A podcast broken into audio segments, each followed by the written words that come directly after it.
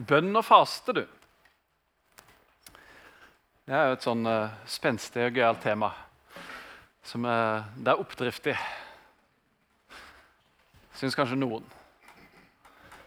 Uh, det, er sånn, det, det, er ikke mitt favorittema, hvis jeg skal være helt ærlig. Uh, verken å snakke om eller å bedrive. Men jeg tror det er viktig uansett.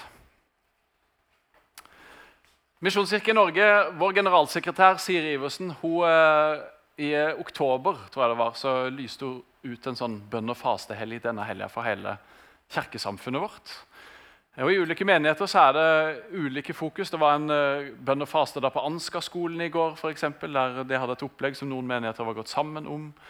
Uh, og Flere har det som tema i gudstjenesten. Noen har hatt bønnevandringer, noen skal ha bønnelovsang i kveld, sånn som vi skal i Froland osv.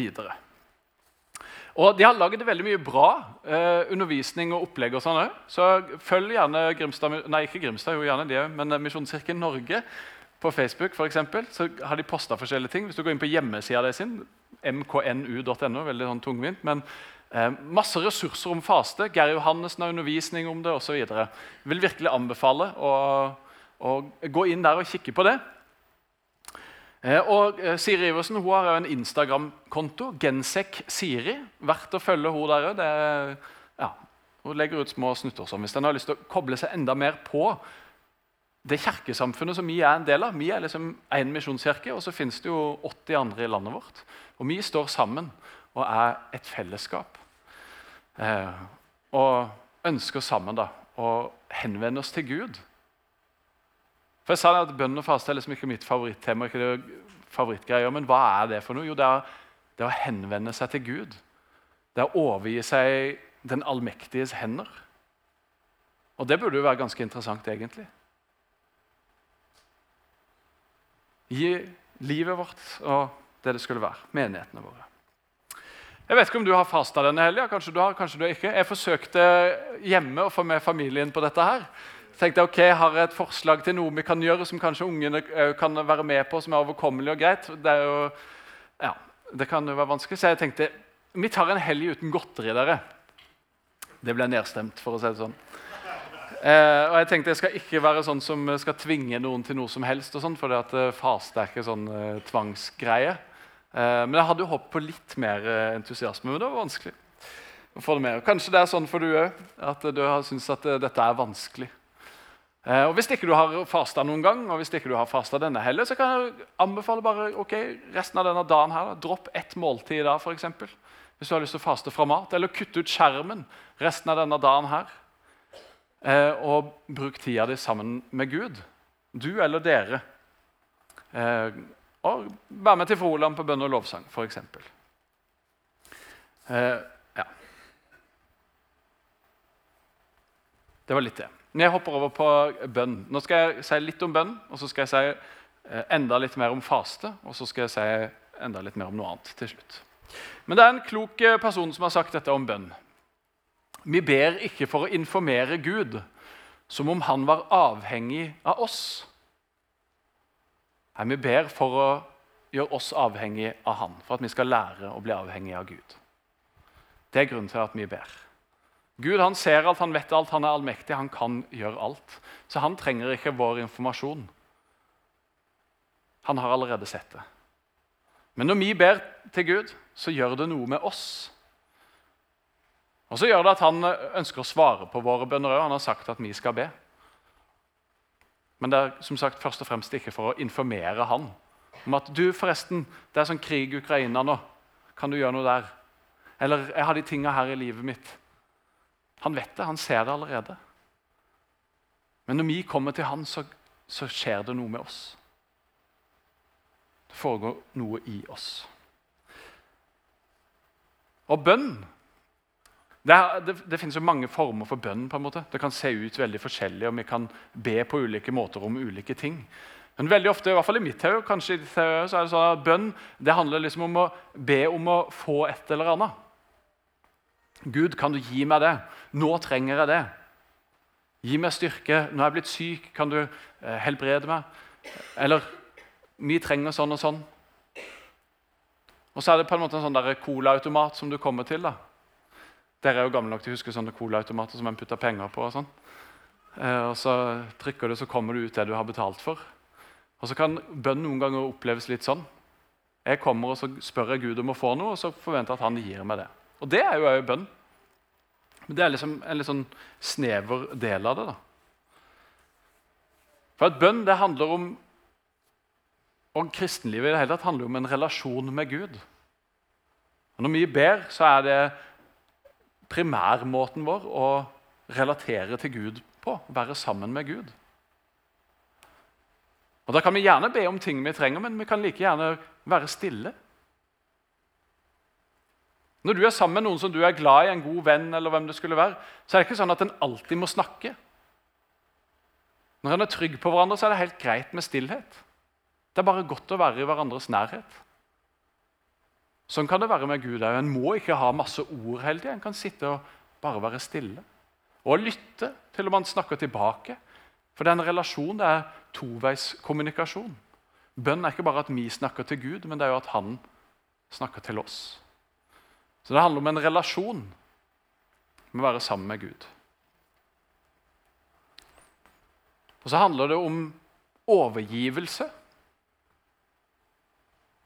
Det fins en Gud som er større, som er allmektig, som kan og vet mye mer enn det jeg gjør.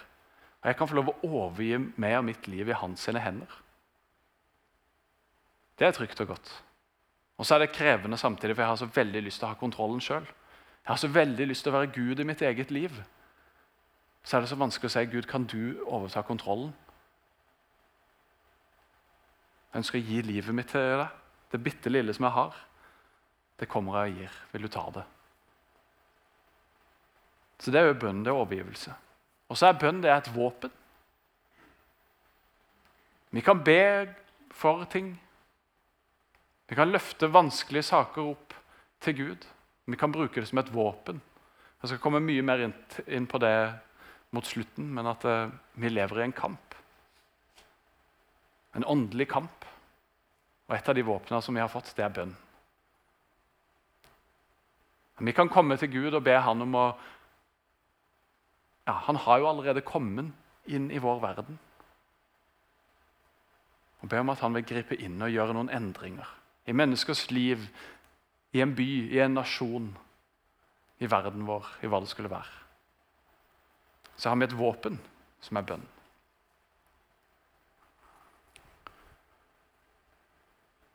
Så var det Noen som sa noe fint her for litt siden. Det var Kristine Laurak, som er pastor i Froland misjonskirke. For de av dere som kjenner henne. Så sa det at de har hatt mye fokus på har i sitt eget liv òg måtte ha det fokuset. Om at når en ber eller er sammen med Gud, så, så vil jeg søke hans ansikt og ikke hans hender. For Hvis Gud er en sånn colaautomat-gud, så søker vi hans hender. Kan du gi meg det? Nå trenger jeg det. Helbred meg, Gud. Fiks opp i dette her. Da er det Guds hender og det han kan utrette, som vi søker. Da kan det være at vi blir veldig glad og fornøyd, men det kan jo være at vi blir skuffa hvis ikke vi får det vi ber om. Og Vi må gjerne be Gud om å gripe inn, men hvis det bakenforliggende er at vi søker Hans ansikt og ikke Hans hender, så tror jeg vi aldri vil bli skuffa. Om ikke vi får det som vi ber om, så vet Gud hva Han vil gi oss. Istedenfor om vi søker Hans ansikt, så så vil vi oppleve å få det som han ønsker å gi oss. Selv om det kanskje ikke var det vi ba om.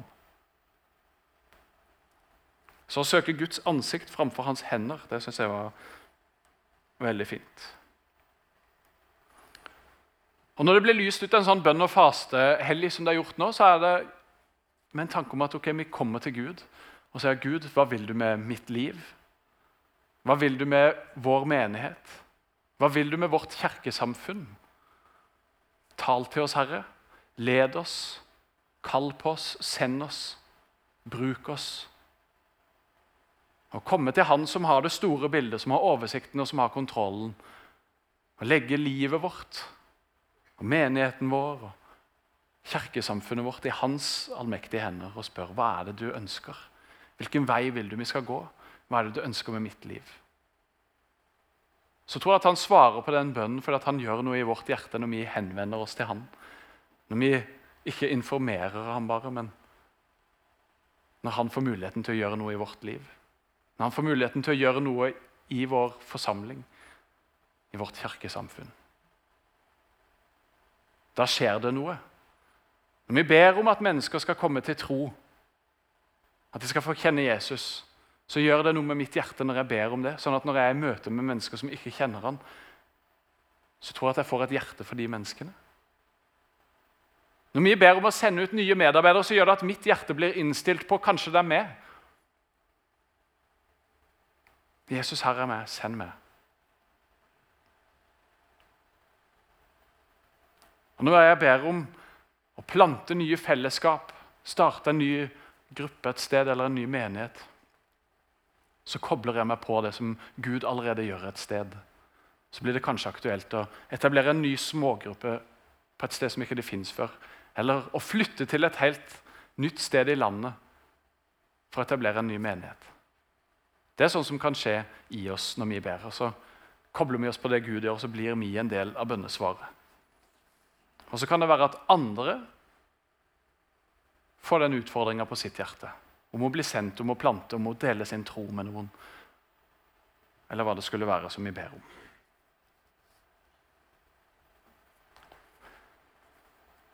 Det var litt om bønn. Så skal vi ha litt om faste. Det er kanskje, Bønn tipper at de aller fleste her er nokså godt kjent med. De fleste har bedt i sitt liv, og sannsynligvis òg i dag.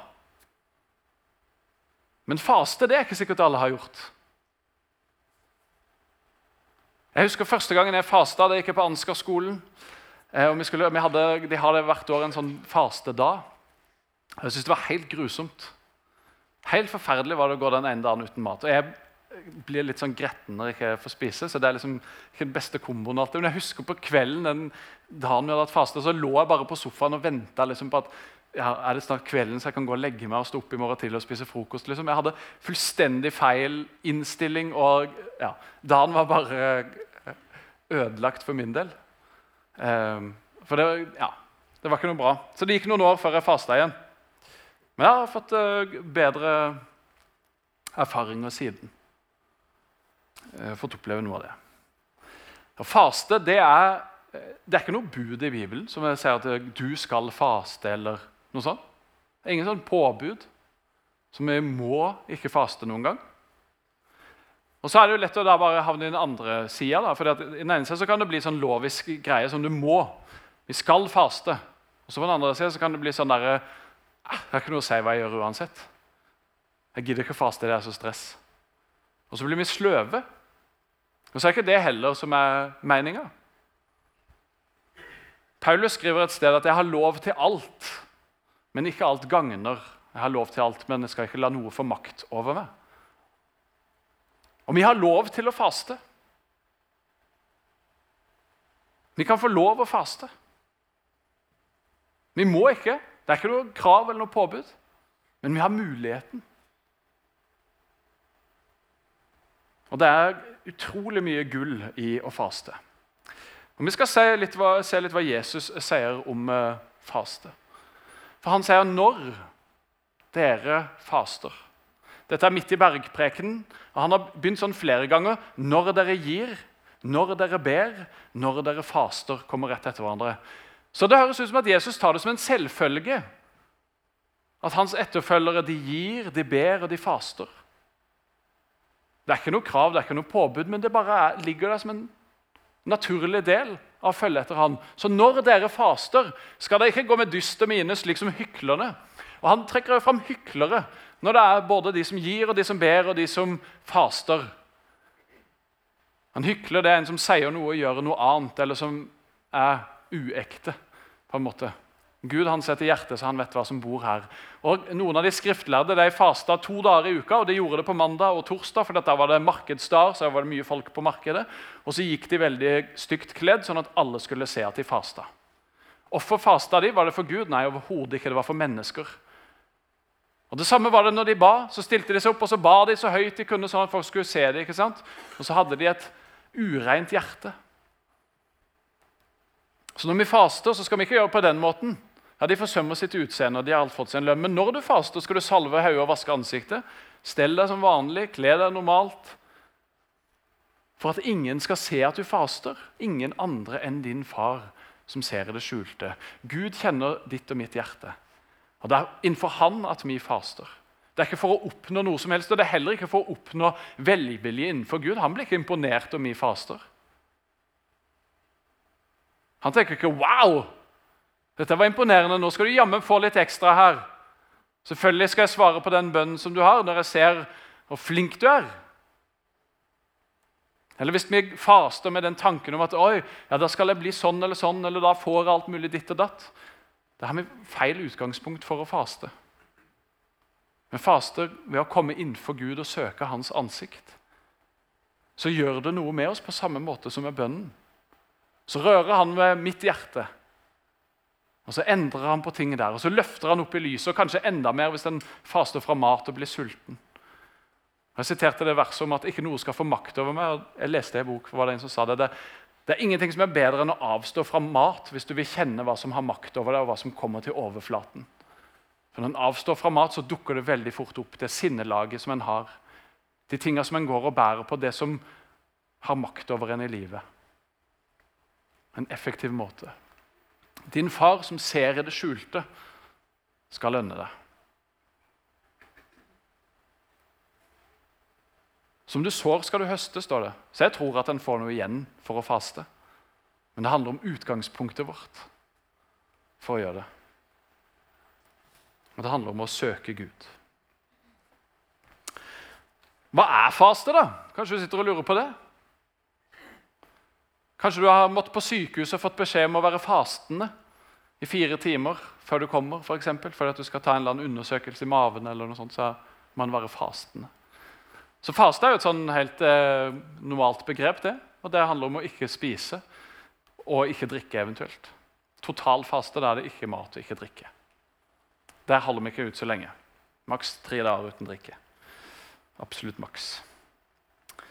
Men mat kan vi gå ganske lenge uten. og Det er liksom den tradisjonelle fasen. det er å avstå fra mat i en periode. Det kan være én dag, eller det kan være en uke, eller det kan være lenger. Det er viktig å drikke. da. Så den normalfasen det er å faste fra mat. Totalfaste da faster han fra mat og drikke. Og så har du delvis faste, eller Daniel-fasten, er det noen som kaller den. Daniel han eh, spiste ikke fete retter og drakk ikke vin. og sånne ting. Han spiste grønnsaker og frukt. Han hadde en enkel kost. Så det går jo an å gjøre. Og Særlig hvis den er litt sånn nybegynner på feltet, så kan det være lurt å begynne i det små. Ja, Begynn med å bare spise grønnsaker og frukter, f.eks. Eller noe sånt. Men kristen faste det handler primært ikke om jeg, det fysiske. Selv om det er veldig sunt for kroppen å faste. En får liksom ut masse giftstoffer og ja, ordne litt i kroppen. Så det er veldig positivt. Men kristen faste det har åndelige årsaker, ikke fysiske. Så vi avstår fra noe av åndelige grunner fordi at det gjør noe med oss. Og Her har det kommet opp allerede så fint. Å faste det er å gi avkall på et mindre gode for å vinne et større. og Det burde ikke være noen uaktuell tanke. Som gir avkall på noe, f.eks. mat. Og så er det for å vinne et større gode. Det er mange ting som vi vinner med å avstå fra mat. Gud gjør noe med hjertene våre, men jeg tenker at den øver jo opp disiplinen sin, selvbeherskelse ta kontroll over sin egen kropp og sin egen vilje. Da trenger han i hvert fall Gud, og i hvert fall gjør jeg det, hvis jeg ikke har energien og maten som jeg vanligvis trenger. Så gjør det noe med min avhengighet til Gud. Og så er det noen som har sagt Snarere enn å plage seg sjøl handler faste om å oppøve åndelig styrke og disiplin. Det er et umistelig gode, ikke minst i vår tid. Vi lever i en sånn tid. Har du lyst, har du lov. Gjør det du vil. Og Det å gjøre noe så motstrøms og radikalt egentlig, som å ta det valget om å avstå fra noe som en egentlig har lyst til Det er ikke noe vits å avstå fra noe du ikke hadde lyst til.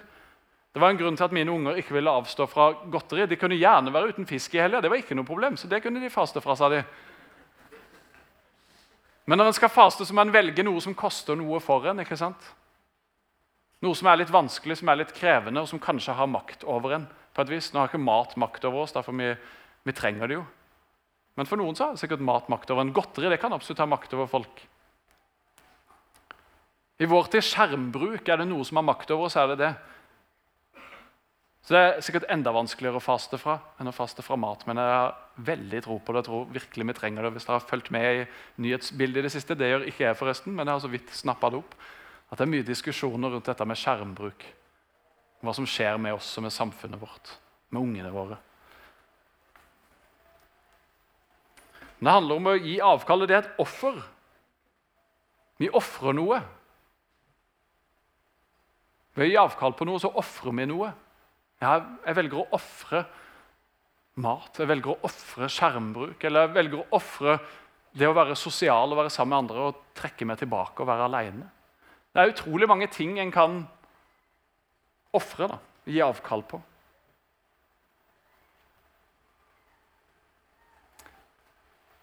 Og så handler det om å oppøve åndelig styrke og disiplin. Og det er jo veldig bra. Hvis du har lyst til å klare å uh, løpe så og så langt eller løfte så og så tungt, eller ha en viss fysisk form, så trenger vi å trene. ikke sant? Jeg har en sånn tanke om at jeg skal løpe en mil. Og nå har jeg ikke løpt siden september, så det ligger veldig dårlig an sånn for øyeblikket. Og Det samme er det liksom med i den åndelige verden her. da.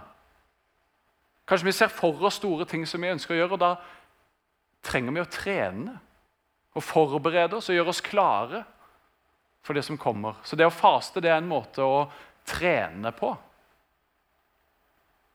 Være disiplinert og gjøre noe som krever noe, som koster noe. De som blir best i en idrett, de har jo gitt avkall på utrolig mye.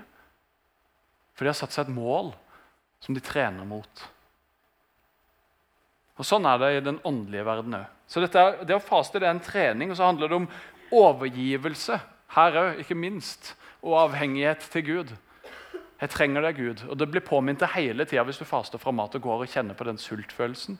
Så blir du påminnet Gud hele tida.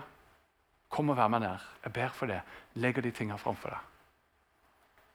Så det ligger en overgivelse i det. Og bare det å velge å avstå fra noe som vi da liker eller egentlig har lyst til, det vitner jo om en overgivelse til Gud.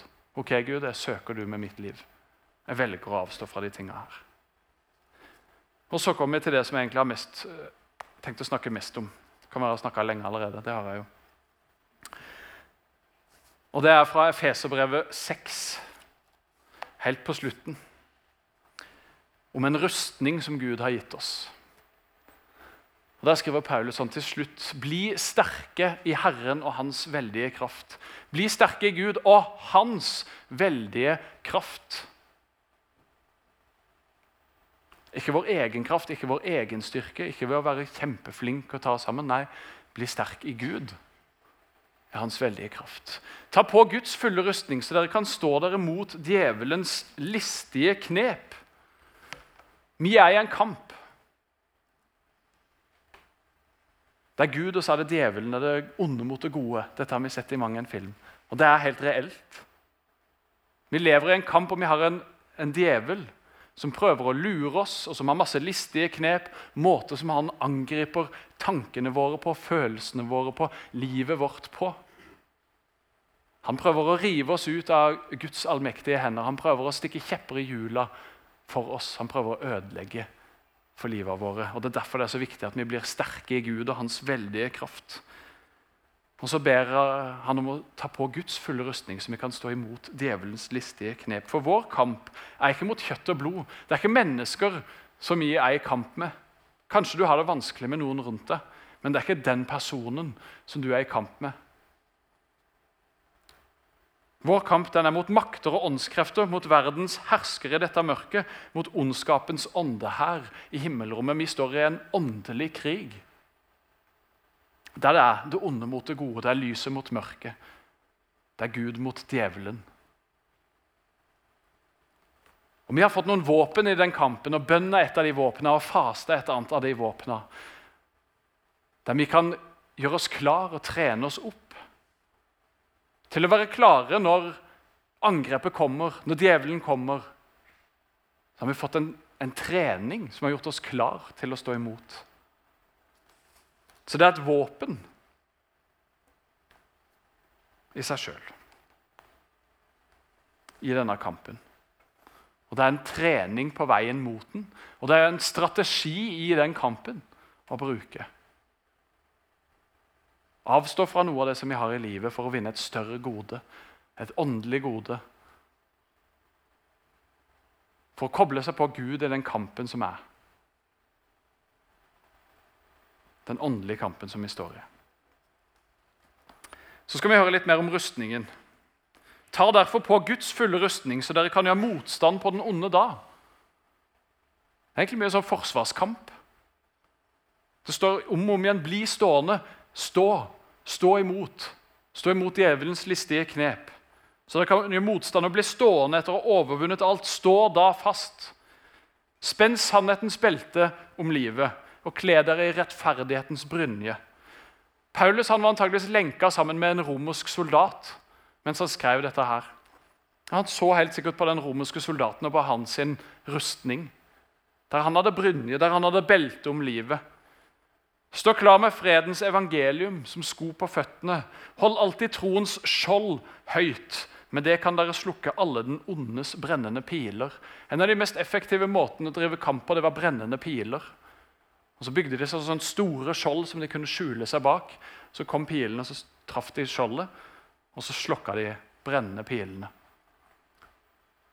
Jeg er sikker på at du har opplevd djevelens brennende piler som kommer susende mot deg. Du er ikke god nok. Hvordan kan du være en kristen som holder på sånn? Så får vi masse sånne stygge tanker.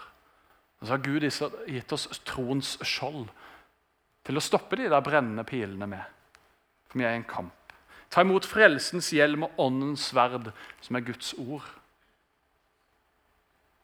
Og Her finner vi gull som vi trenger, og kraft som vi trenger til å stå i denne kampen. Og Når vi ber og når vi faster, så er det naturlig å bruke Guds ord. og Lese i Hans ord og ta til oss av det som Han har gitt oss. For å styrke oss, for å oppøve vår disiplin, men for å trene oss for den kampen som vi står i. Og for å være med og kjempe i den kampen. For når vi ber, når vi faster, når vi leser i Guds ord, så kjemper vi. Og så gjør vi oss også klar til å kunne stå imot. Når kampen intensiveres, eller når ting er ekstra vanskelig, så er vi rusta. Så er vi klare, så er vi ikledd Guds fulle rustning. Gjør dette i bønn og legg alt fram for Gud, skriver Paulus. Vi er gitt en rustning til å beskytte oss, til å stå imot når djevelen kommer. Da må vi ikle oss den rustningen og ta den i bruk for at den skal ha noen verdi. Det gjør en gjennom bønn, det gjør en gjennom faste, det gjør en med å lese Guds ord. Om to uker så begynner fastetida. Da er det fastelavnssøndag. Da skal alle spise sånne boller med gul krem. og Så kommer det en sånn fasteperiode fram til påske som ingen vet noen ting om. og ikke bryr seg om i det hele tatt. Og Så kommer påske, og da feirer vi Jesu oppstandelse. Og så hopper vi litt over de kjipe tingene imellom. Satt veldig på spissen så er det litt sånn vi lever kristenlivet, mange av oss. Åssen vi mennesker i Norge lever i dag. Vi tar med oss luksusen, vi tar med oss godene, og så hopper vi bukk over de tingene som er litt utfordrende, som er litt kjipe. Og så hopper vi samtidig bukk over alt det gode som en får oppleve midt i lidelse. Hvor mange er det ikke som kan vitne om det? Alt det gode som de fikk oppleve midt i lidelsen. Gud har aldri vært nærmere enn når ting var vanskelig. Min avhengighet til Gud har aldri vært større enn når det var utfordrende. Og så har vi sånne perioder i livet som det dukker opp av seg sjøl. Og så har vi perioder sånn som fastetida, som gir oss anledning til å ta et steg inn i det som er litt utfordrende og som er litt vanskelig, for å møte Gud der òg. Ikke bare i festen og gleden. Så når fastetida kommer nå, så har jeg lyst til å utfordre oss på å ta den på alvor. Den starter 19.2. Da er det vinterferie for mange. og Tro og medier de har hvert år en sånn skjermfri uke som man kan koble seg på. Kanskje ei uke er for lenge, men kanskje en dag. Veldig fint å hive seg på masse gode forslag til ting du kan gjøre istedenfor. Skjermfri uke, men kanskje i løpet av fastetida kan du kutte ut noe. Det er jo ofte karneval, og det betyr uten kjøtt. Så fastetida så spiste de ikke kjøtt. Kanskje det er det. Kanskje det er godteri. Kanskje det til og med er trening som har fått for stor plass i livet ditt, og som en trenger å ta og gi avkall på for en periode og ofre det. Du kan stille deg sjøl spørsmålet Gud, den fastetida som ligger foran, er det noe som du ønsker at jeg skal avstå fra fordi at du ønsker å gi meg noe mer?